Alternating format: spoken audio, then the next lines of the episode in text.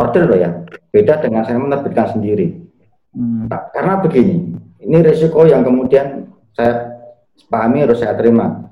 Ketika dulu saya menawarkan jasa desain saya itu menjelaskan kok saya meminjam bahasa Renan tadi ya. Saya hmm. mau eksperimen. Susahnya minta ampun. Susahnya minta ampun penerbit mau memberikan apa layanannya kepada desainer yang maunya eksperimen. Yeah.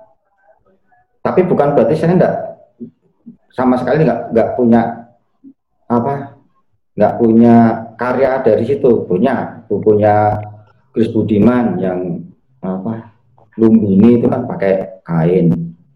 Kanisius juga pernah terbit dengan dua cover judul sama gitu. Tapi sedikit malah lucu gitu. Lucunya begini uh, saya dekat dengan mereka. Bukan sebagai desainer akhirnya. Tapi sebagai orang yang kemudian membalas pesan mereka. Mas hmm, ada enggak ini desainer? Nah gitu. Ya sudah nasib saya mungkin di situ. Iya karena karena apa ya?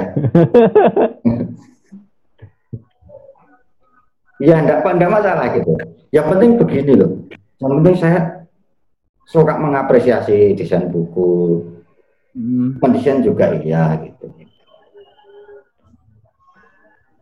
Kok ya beruntungnya saya di kampus seni gitu, ketemu dengan mahasiswa yang beberapa tugas akhirnya tentang desain buku, termasuk buku anak. Gitu. Oh saya belum jawab ya metode saya ya? Iya metode, saya kayak gimana? desainnya ah kemarin yang barusan aja dengan Ganjar itu. Jadi mitos itu kalau desainer kerjanya lambat enggak. Justru penerbit yang lambat. Uh. jadi, enggak. Di, di desain itu kalau kita mau gaya yang kemudian gaya yang katakanlah kita sebagai katakanlah loh ya seniman gitu ya.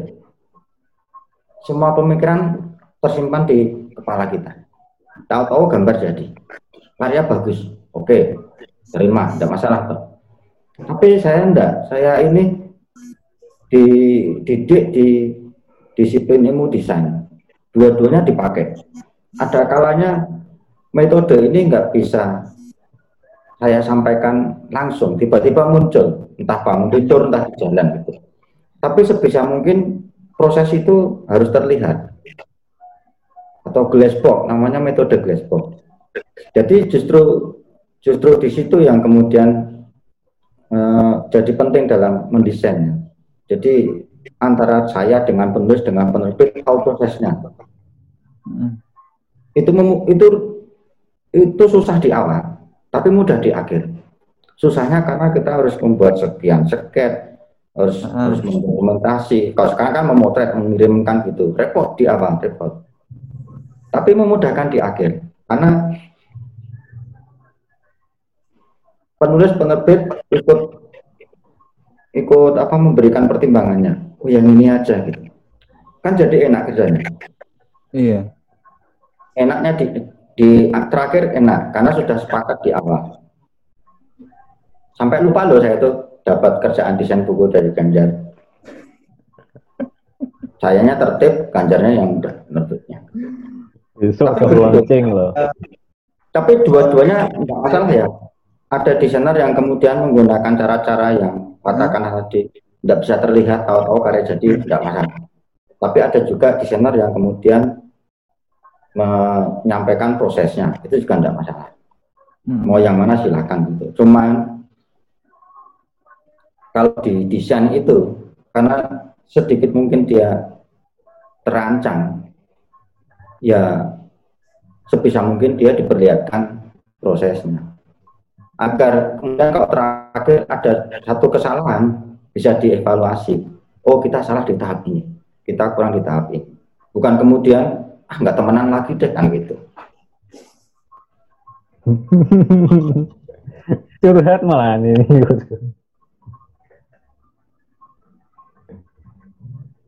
yang paling ini susah lagi ini yang paling yang paling susah ini ya. Masih nyambung dengan Ganjar. Ya memang nggak nggak mudah menjadi desainer in house tapi pikir mudah. Saya pernah mengalami, tapi bukan in-house. Saya pernah mengalami mendesain buku-buku yang waktu itu trennya sesuai dengan usia saya, muda gitu. Gambarnya pop gitu. Trennya masih bertahan gitu. Umur saya nambah. Kok tiba-tiba jadi tua ya popnya kan aneh. Nah, beberapa penerbit yang kemudian semangatnya adalah mengejar tren pop menjadi desainer in-house itu susahnya minta ampun. Harus menyesuaikan tren selera. Padahal usianya dewasa.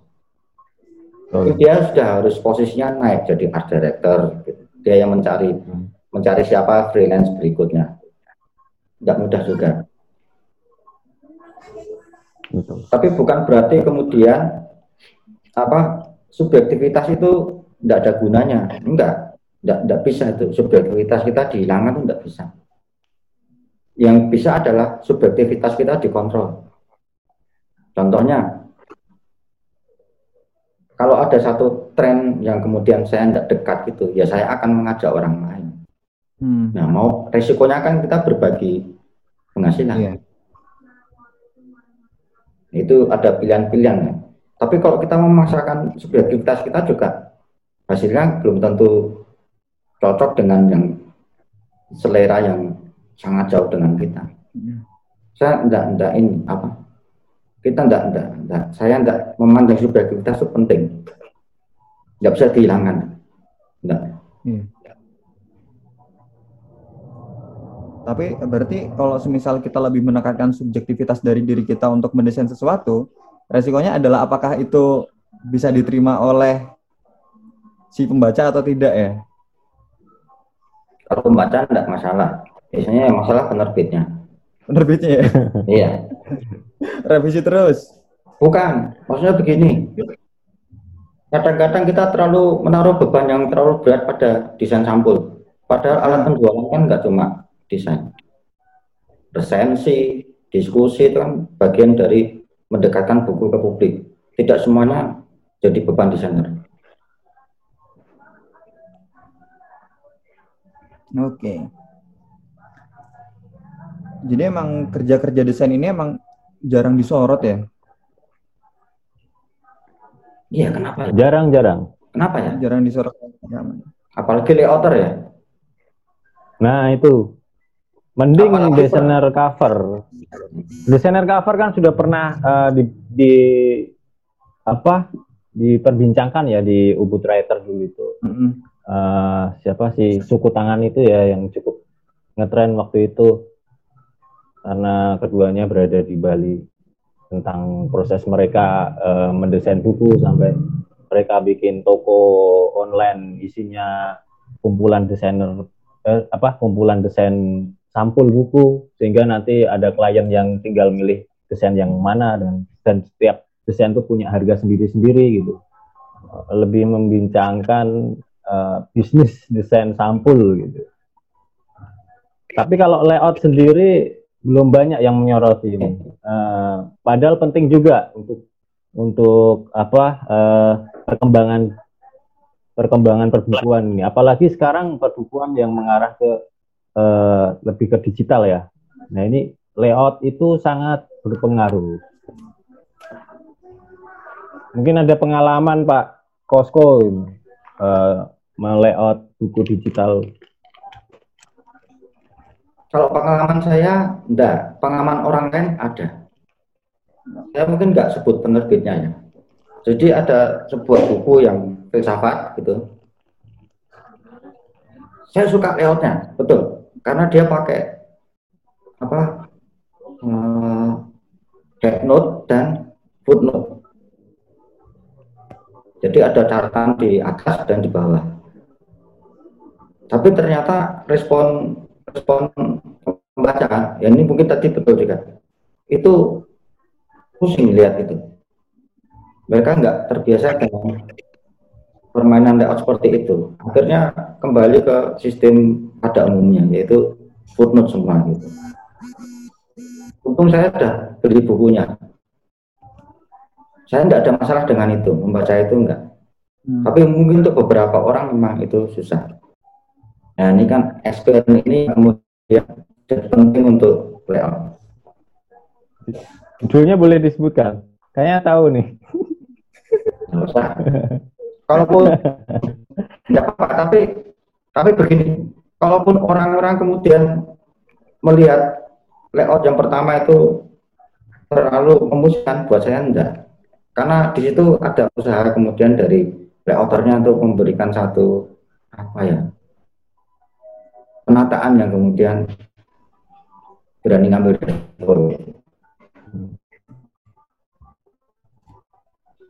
Ini Pak ada ada pertanyaan dari teman-teman yang menyimak.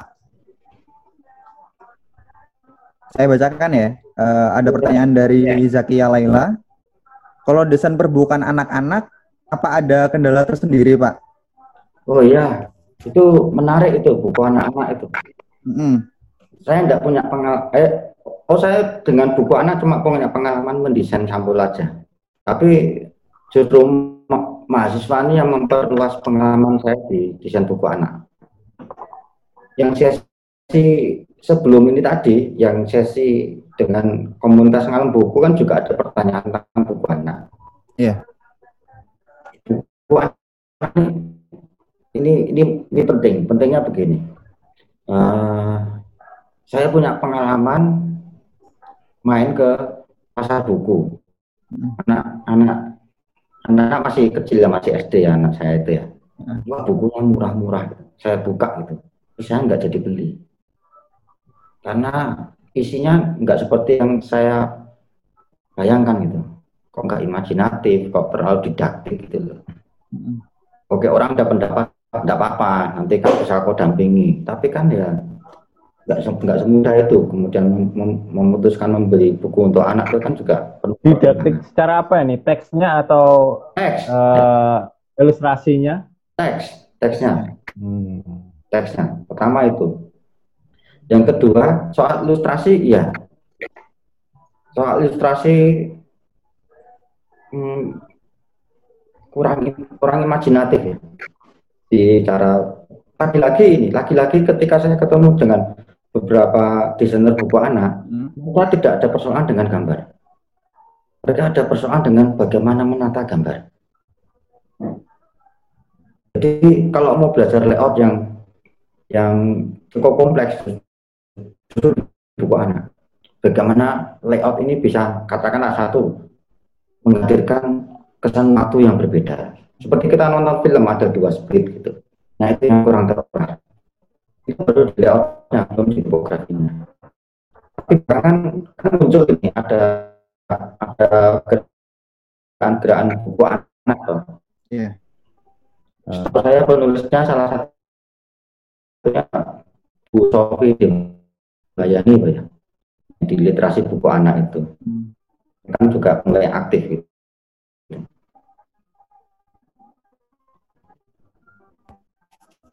aktif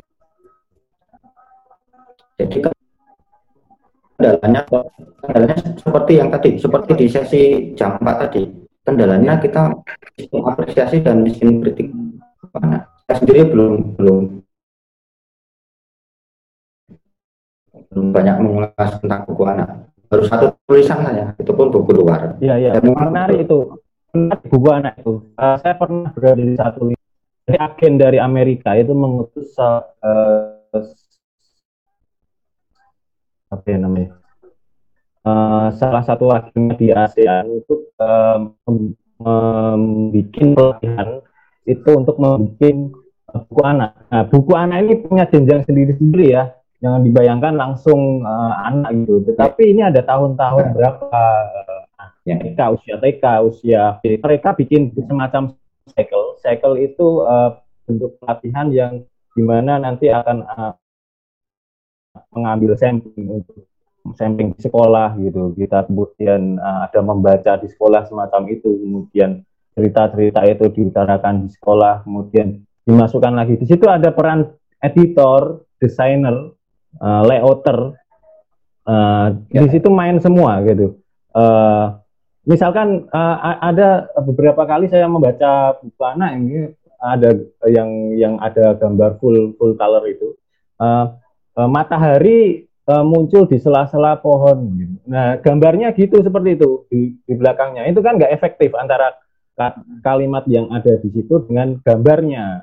Mestinya gambarnya uh, lebih uh, apa di luar ya. kalimat itu mungkin ada ya. kelinci atau apa gitu kan. Nah ini yang belum eh, salah ini baru salah satu. Nah belum yang uh, banyaknya kata gitu kan. Uh, ketika SD misalkan SD kelas 1 2 itu nggak bisa banyak kata ketika satu halaman itu dan juga hurufnya itu nggak akan ada tanda baca ya. gitu. Nah ini beberapa hal linguistik yang perlu dipelajari oleh editor uh, dalam mengerjakan buku-buku ya. anak gitu.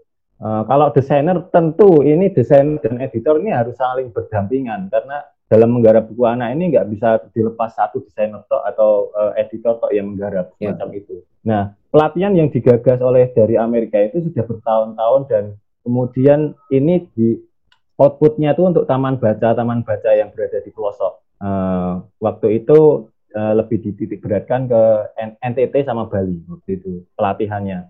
Jadi uh, dari penerbit-penerbit besar ada yang ikut, penerbit kecil juga ada yang ikut, cuman sangat terbatas karena seleksinya ketat waktu itu. Uh, dan pelatihannya pun cukup, lama, setengah tahun gitu, setengah tahun uh, beberapa kali bertemu, kemudian uh, apa uh, balik lagi ke tempat asal, bikin lagi gitu sampai jadi gitu satu.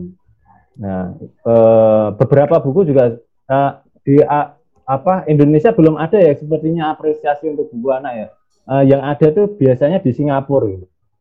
Uh, Children Book Fair. Children Book Fair di Singapura itu sangat ramai sekali. Jadi uh, di sana sebenarnya di Asia sendiri sudah sangat berkembang, terutama di Indonesia kemarin uh, ada kalau nggak salah dari Jakarta itu desainer uh, buku anak yang yang menangkan salah satu nominasi di uh, Children Book Fair itu menarik juga tuh. Tapi kayaknya harus uh, kalau mau bicara lebih jauh bisa mendatangkan desainer buku anak nanti suatu ketika. Oke, terima kasih Mas Ganjar ya atas pendapatnya, tambahannya. Ini ada pertanyaan lagi nih. Pertanyaan dari dari Mas Andi Krama. Apakah ada uh, seperti apa tantangan di masa depan desain perbukuan pasca pandemi ini? kira-kira nih bakal ada tantangan apa sih di masa depan di dalam dunia desain buku ini ya setelah pandemi? Apakah akan ada banyak perubahan atau bagaimana? Kalau menurut uh, Pak Kosko sendiri gimana Pak? Tuh ini pertanyaannya futurologi. Susah jawabnya.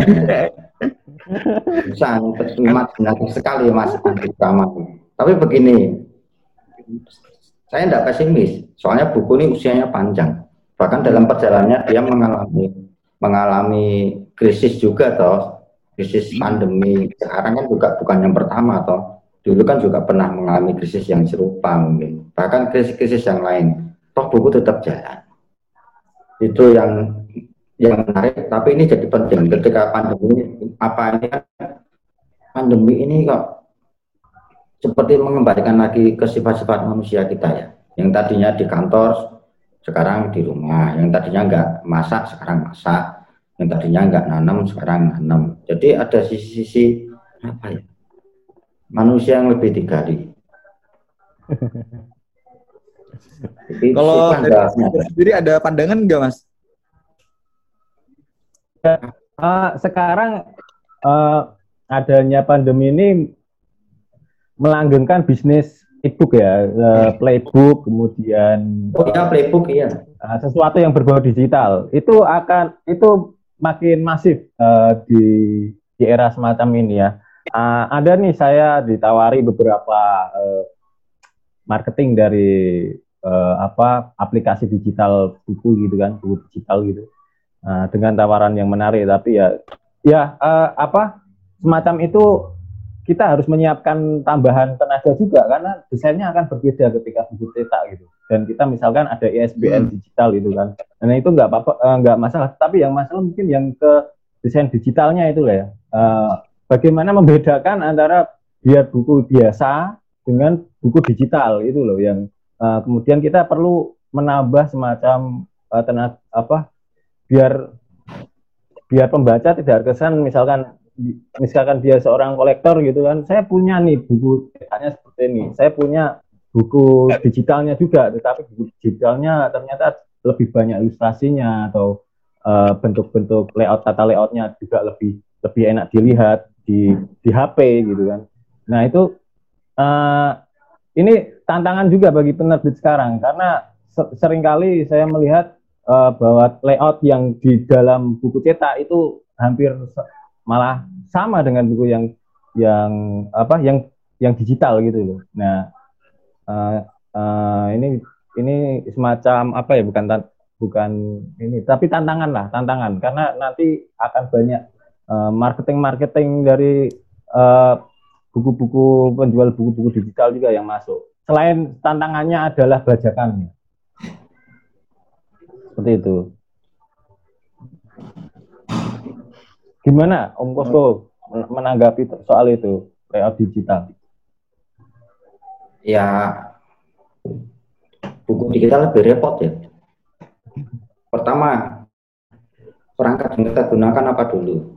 Apakah gadget yang ukurannya 600 kali 800 pixel hmm. atau yang Kindle book atau pakai tablet lebih ribet itu. Tapi bukan berarti kemudian eh, yang tadi Ganjar sampaikan itu ya ada penerbit juga yang yang tidak mau menyebut menerbitkan buku digital, tapi digitalisasi. Jadi semacam mendigitalkan buku cetaknya. Itu kan paling mudah. Cuma kalau kita buka di Google Playbook kan kita juga bisa mengubah ukuran-ukuran dulu. Justru yang yang menariknya di sini adalah saya tidak masalah dengan buku digital. Memang saya juga sedang mem, apa mendesain aplikasi juga kok. Menarik malah. Cuma membiasakan pengaman ruangnya aja. Yang menarik di sini tapi buku digital itu kan uh, rawan pembajakan nih. Nah, buku cetak juga rawan pembajakan. Oh iya juga sih. Tapi uh, kalau semisal saya ngelihat Tempo itu kan ada yang premium. Majalah Tempo itu kan ada yang premium dan itu bisa dibaca di web. Hmm. Tapi uh, saya melihat bahwa enggak semua orang itu siap untuk membayar uh, sesuatu yang digital dan bisa didapatkan di tempat lain. Nah, yang jadi pertanyaannya adalah apakah akan semenguntungkan buku cetak uh, adanya buku digital ini apakah uh, akan tetap semenguntungkan buku cetak gitu saya jadi ingat yang agenda Frankfurt Book Fair mungkin tiga atau empat tahun lalu. Tema mereka adalah tentang buku digital. Jadi memang memang ada ada ini ya, ada kebutuhan-kebutuhan kapan kita menggunakan buku digital dan kapan tidak. Misalnya ketika kita bepergian, ya kita bawa aja buku digital. Cukup membaca dari apa perangkat gadget kita atau membaca dari tablet. Tapi ketika kita tidak sedang pergi-pergi, saya rasa buku cetak sudah lebih memadai ada lebih ke sana ya kalau kalau saya melihatnya itu ya lagi pergi-pergi ada ya gitu pergi tempat yang jauh maksudnya gitu. Yeah. ketika kau di rumah aja ya sudah bacalah buku cetak gitu. cuma yang menarik begini itu tadi yang Mas Ganda sampaikan itu uh, menjelaskan bahwa ada perbedaan buku digital dengan digitalisasi. Nah, beberapa teman yang mendigitalisasi itu mengalami kerepotan ketika yang di layout itu ada gambarnya. Kalau teks bisa kita besarkan, kalau gambar fix tidak bisa. Nah, itu kemudian membuat saya curiga. Curiga positif loh ya. Kenapa buku-buku sekarang banyak gambarnya? Buku cetak dulu. Buku cetak sekarang banyak gambarnya. Ketika kau digitalkan, wah, susah Di mana pun gambar tidak bisa dilihat berbagian, gambar dilihat keseluruhan. Kalau kau besarkan, kalau gambar mau kau besarkan, mau hanya sedikit gitu. Kalau gambarnya besar, kita jadi kecil. pikir teman-teman di penerbit cetak mungkin kalau memang ini yang dilakukan ya ini bentuk satu, satu bentuk siasat. Hmm. Ya bersyukurlah kami yang di bagian seni rupa ini. Ya, ilustrasi gambar itu. ya. Tapi uh, digital tuh ramah lingkungan loh. Jadi kertas ini kan mengurangi populasi pohon kan. Iya. Yeah. Yang jadi masalah bukan populasi, jadi masalah kan kau nanam lagi apa tidak. jadi masalah adalah kau nggak pakai kertas-kertas buram gitu. Jadi masalah kan itu. Ah, itu masalah lain juga di penerbit dan nanti kaitannya dengan percetakan itu. Iya. ya, ini yang menarik lah. Misalkan 10 tahun lagi nih, uh, ada yang yang bilang bahwa 10 tahun lagi nggak akan banyak buku yang dicetak gitu. Malah akan banyak buku yang digitalisasi atau masuk ke digital seperti aplikasi dan pembajakan mulai pembajakan digital mulai diketat perketat gitu. Karena sudah ada uh, uh, satu tim khusus sebenarnya yang dari Jakarta saya ya. pernah ketemu itu bagaimana mengantisipasi supaya buku-buku digital itu nggak dibaca. Misalkan menggunakan akun-akun kita harus punya akun seperti Spotify seperti itu, kemudian uh, seperti main game gitu jadi nggak bisa dibaca atau uh, diakali itu banyak kan uh, caranya untuk untuk uh, mengamankan dari pembajakan lewat digital gitu uh, saya pikir uh, bukan tantangan tetapi ini perkembangan ya perkembangan yang menarik dan juga jadi jadi sesuatu yang uh, penerbit ini bisa mengembangkan diri mereka enggak bahwa mikir mikirnya ke depan itu bahwa digital ini mulai dilirik gitu seperti itu Ya, oke. Okay. Saya nggak punya pengalaman. Dan hmm. apa uh, dengan adanya digital ini memudahkan uh, desain-desain yang ditawarkan oleh uh, Pak Kosko tadi. Misalkan satu judul, misalkan ada beberapa desain hmm. ya, judul gitu. Nah ini menarik. Nah, ini ini bisa men menjawab solusi apa menjawab pertanyaan Pak Kosko itu tadi yang misalkan menggarap uh, satu judul beberapa cover buku misalnya bisa jadi solusi juga ya mas iya ya? iya tanpa menambah biaya operasional lebih untuk cetak iya sementara karena buku buku paper kertas buku paper itu semakin naik hmm. ini dan fluktuatif sekali harganya setelah pandemi ini naiknya bisa 30% waktu itu sebelumnya eh, nggak sampai eh, nggak naiknya nggak segitu nah. setelah pandemi ini gara-gara karena kertas impor ya uh, jadi kalang kabut uh, cetaknya jadi dikit-dikit penerbit di Jogja dan kayak gitu. Jadi Mas Gajar setelah pandemi ini uh, jauh lebih susah. Uh. Bukan lebih susah, tapi cetaknya mereka akan cenderung ke kalau bahasa cetakan print on demand ketimbang offset. Uh, print on demand itu dengan dengan cara seperti tadi ngakali seperti pre-order gitu pre-order dulu baru cetak seperti pesanan gitu dan dan mereka lebih memiliki komunitas yang membuat bertahan. Gitu. Komunitas yang yang ketika pre-order langsung pada pesan gitu kan. Nutup modal kemudian ada untung sedikit untuk untuk uh, memenuhi uh, kebutuhan operasional lainnya atau kebutuhan pracetak gitu. Itu hitung-hitungan yang lebih rasional ketimbang offset buku numpuk kesebar semua uh, toko buku kemudian retur banyak itu malah rugian. Nah ini sekarang lebih ke arah situ malah. Uh, makanya gencar di Jogja ini berdatangan mesin-mesin print on demand. Hmm. Oke, okay. itu bisa dipahami. Tapi saya tetap begini, jauh lebih mudah mungkin mendesain atau menerbitkan buku dengan cara itu, karena itu sekarang pun berjalan tapi juga hmm. tidak lebih mudah mendesain atau mencetak buku 3000 eksemplar gitu terjual dalam kondisi seperti ini.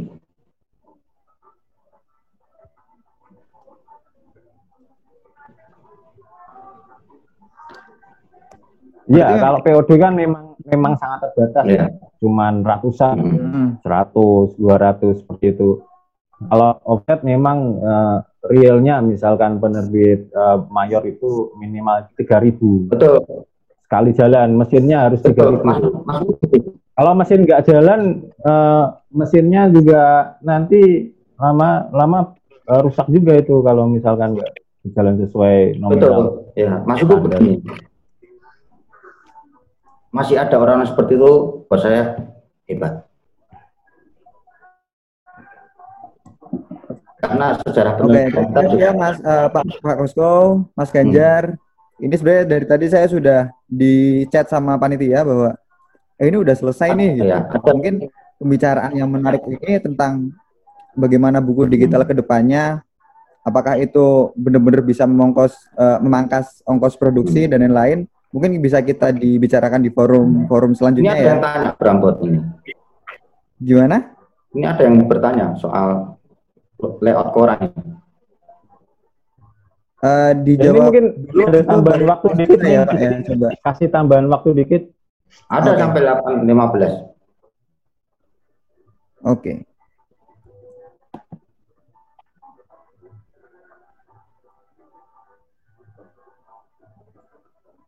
Oke, per, uh, pertanyaannya untuk tata letak koran, apakah memang ada pakem sendiri atau bisa dieksplorasi lebih jauh? Ini Brambot, ini ini kuwait aspe salah tiga. Ini hmm. Di kartunis uh, Tribun Jawa Tengah. Pak Brambot Kusuma. Ya. Gimana? Uh, ada tanggapan Mas Ganjar?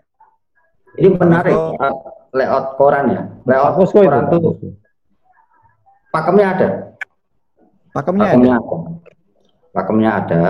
Kalau nggak ada ya untuk apa dia kemudian berbeda dengan layout yang lain. Justru yang menarik begini. Ketika kita terbiasa membaca buku digital, scroll ke bawah, pakem koran. Itu pakem koran kita pakai. Sekarang kan kebanyakan scroll ke bawah, jarang ke samping kan. Hmm. Kecuali kalau foto, foto samping. Tapi kalau membaca scroll apa? Itu pakem koran. Yang paling dekat itu. Karena dia menggunakan kolong gitu kan. Koran kan lebar, eh tinggi ya. Iya. Tapi pakem koran tidak cuma satu itu. Kalau kita lihat di layout-layout surat kabar macam-macam. Ada koran yang mengunggulkan infografisnya, gitu. ada yang memang konvensional blog-blog teks itu ada. Hmm. Tapi yang yang khas di koran itu justru saya belajar layout pertama dari surat kabar. Saya belajar dari hmm. saya membayangkan ini gimana kerjanya ya. Sekarang sekarang ditulis besok udah jadi gitu. Uh, saya membayangkan itu. Sampai saya dulu waktu magang ke surat kabar Suara Merdeka. Yang pengen tahu gitu seperti apa gitu. Ternyata ada prinsip-prinsipnya. Mungkin nyebutnya prinsip ya bukan pakem.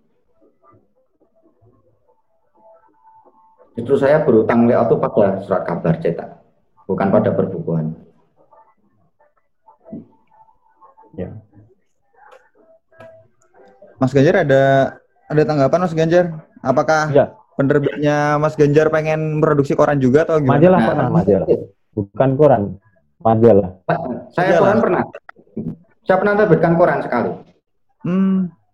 Untuk pameran di Bentara Budaya Jakarta. Berapa ukurannya? Oh, Pak Ukurannya kertas burang saya lipat jadi dua. Enggak ukuran ukurannya seperti koran pada umumnya atau lebih kecil lebih dikit. kecil. Kayak tabloid satu warna. Pernah. Tapi bukan saya yang mendesain, yang mendesain teman gitu. Itu proyek hmm. seni aja. Jadi Pak Ganjar punya perbitan, saya pernah punya koran. koran yang yang cuma sekali terbit ya? Iya, cuma sekali terbit. Itu saya jadi pemretnya. menarik yang, kalau pengen belajar ya, yang, yang menarik itu koran sebagai makanan apa uh, ketika sehari-hari kemudian uh, di di bagian depannya itu kalau ada kejadian-kejadian misalkan bencana alam gunung meletus kemudian di uh, halaman depan itu uh, isinya asap gunung gitu. Nah, atau beberapa bahwa koran ini kemudian cara kerjanya menjadi uh, semakin semakin apa uh, misalkan mengkritisi pemerintah misalkan atau uh, semacam sin ya Pak Kosko ya untuk untuk kerja-kerja koran sekarang. Atau ini memang untuk menarik menarik uh, orang untuk membeli atau semacam prinsip jurnalisme juga ya. Kalau kita lihat uh, fenomena seperti itu di halaman depan itu. Ada ada ini ya ada pergeseran ya saya juga cukup kaget melihat ada koran yang kemudian logika visualnya itu bukan fotografi tapi simulasi. Hmm. Jadi sudah bukan realitas itu, tapi sudah post realitas lagi. Jadi sudah simulasi. Ada pemain timnas gitu, tapi digambarkan seperti pasukan apa. Itu kan sudah di luar konvensi kode visual koran pada umumnya. Iya. Sekarang ke sana, sisi persuasinya makin tinggi. Mungkin persuasi ini memang menggambarkan kurang kurang menarik gitu, sehingga dia harus persuasif. Gitu. Iya, iya. Ada perubahan-perubahan layout di halaman depan ya, terutama. Oh, ada jelas. Ya. Jelas. Ada, tergantung masing-masing koran. Koran A mungkin layoutnya setelah iklan masuk. Dan iklan itu menentukan posisinya di mana di mana. Tapi koran B punya pakem sendiri. Selain selain di di ini juga ya pengaruhi kepentingan politik dan mereka dekat dengan siapa begitu ya? Oh, itu nggak tahu. cuma cuma yang saya pelajari dari koran itu bagaimana dengan konten dia bisa dimuat mu, mu, dia bisa apa mem, memuat dirinya enak meskipun kerjanya terus gitu terus ya. Tapi kan orang bertemu dengan pandang tulisan wartawan yang enggak harus enggak tentu sama itu cara orang melatih uang itu menurutku ya surat kabar itu. Hmm. cetak ya. Kalau semisal uh, di kemudian hari koran itu bakal marak digitalisasi tantangannya itu akan lebih jauh berbeda daripada buku yang didigitalisasi atau bagaimana secara koran itu kan dalam layoutnya itu lebih kompleks dan ya koran-koran cetak yang aku tahu itu dalam satu halaman aja itu kan banyak tulisan dan fontnya itu kecil-kecil. Nah, apakah dalam eh, di digitalisasi itu kan layar HP kan terbatas? Apakah orang ketika membaca koran yang digital, apakah harus di zoom terus atau bagaimana? Kalau kita buka jalannya gimana? Situs apa korannya Kompas katakanlah, kita bisa ukur berdasarkan layar. Hmm menyesuaikan bisa ya? Bisa. Bisa. Kalau yang PDF ya, yang koran e-paper PDF lain lagi. Nah itu. Eh, beda, ke PDF. Kok korannya gara-gara berambut ini banyak koran. Ada pertanyaan lain nggak? Uh, pertanyaan lain nggak ada yang masuk sih. Gimana? Mau tetap dilanjut ngobrol di sini atau kita tutup dulu terus barangkali kita bisa ngobrol di tempat lain? Kamu ke sini ya, aja, ya. Ren. Gimana? Kamu ke Jogja aja. Jogja. Lo Mas Mas Ganjar lagi Jogja? Iya, aku kan di Jogja. oh, tak kira di Semarang tuh, Mas. Soalnya kan kita pernah ketemunya di Semarang. Kayaknya terakhir ketemu itu di Balai Kota ya? Iya, di acara. Hmm. Tapi emang sebenarnya ngobrol secara langsung itu nggak bisa digantikan dengan cara-cara kayak gini ya. Ya rasanya emang kayak lebih lebih mudah aja ketika kita bertatap muka secara langsung daripada kayak gini kayak ya bingung sendiri akhirnya. ya kalau ini yang ada ya itu yang kita jalani gitu aja. Iya sih kita juga lagi di masa-masa ini, ini, ini ini dalam rangka mempercepat digitalisasi kok. Ya. Oh, Mas Ganjar, saya tanya ke Ganjar, bagaimana penerbit menghitung biaya desain layout? Wah, oh, silakan Mas Ganjar. Desain layout. Pertanyaan bagus. Desain layout. Uh, ada ada beberapa penerbit itu menghitung dengan ukuran ya, mm. bukan naskah mentahnya. Misalkan naskah mentahnya 150 halaman nih kemudian di, dimasukkan di ukuran A5 pasti akan nambah. Nah, yang di, dihitung biasanya adalah uh, ini untuk buku-buku uh, misalkan ya buku fiksi yang fiksi dewasa itu ya. Nah, itu berbeda dengan buku anak tadi misalkan layout buku anak itu dengan buku fiksi, kemudian buku sekolah. Nah, buku sekolah lebih rumit lagi, buku sekolah, buku sekolah SD, SMP, SMA itu ada gambar-gambarnya, ada apalagi yang eksak itu matematika, IPA dan lain-lain, uh, rumus-rumus gitu. Itu lebih susah uh, dan lebih uh, apa biayanya lebih mahal. Uh, saya nggak apa perlu nyebutin nominalnya kayaknya nggak perlu ya. Jadi karena lebih susah tuh lebih mahal. Lebih susahnya di mana? Nah, kalau di uh, pengalaman saya berkaitan dengan buku yang buku-buku paket gitu yang yang uh, untuk SD, SMP, SMA itu Berarti buku, karena di situ ada ilustrasi, gitu.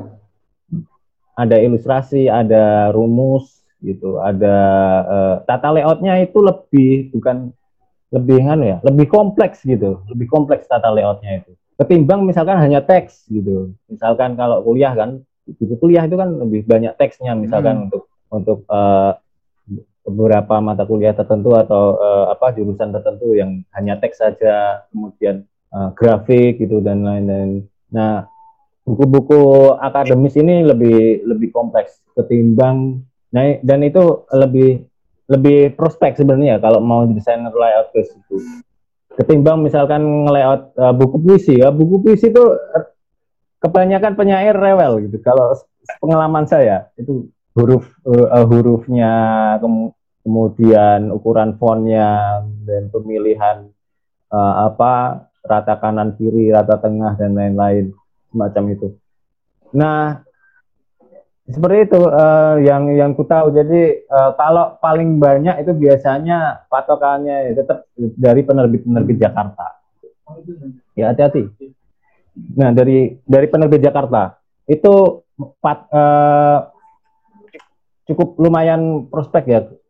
Apa uh, kalau menjadi desainer layout di sana. Karena apa uh, secara secara jenjang UMR kan lebih besar di Jakarta. Nah itu beberapa teman desainer isi atau layouter itu uh, banyak yang ke sana ke penerbit besar Jakarta. Sedangkan di Jogja ini belum banyak yang yang berani uh, bayar standar misalkan standar uh, ini di sini ya standar UMR maksudnya misalkan uh, per per halaman itu A5 itu dihitung 2.500 misalkan nah di Jakarta itu bisa sampai 6.000 gitu. Belum kalau misalkan di situ ada ilustrasi grafik dan lain-lain itu tambahannya ada ada yang seperti itu masih per halaman ya bukan per kata kalau per kata itu lebih ke editor penerjemah dan lain-lain. Nah, kalau layouter yang buku anak ini uh, lebih uh, prospek juga, cuman di sini layouter buku anak lebih me merangkap juga sebagai desainer ya. Uh, ilustrasi biasanya. Seperti itu, Pak. Uh, mungkin uh, Pak Kosko juga punya pengalaman tersendiri ketika menjadi uh, layouter atau desainer isi gitu.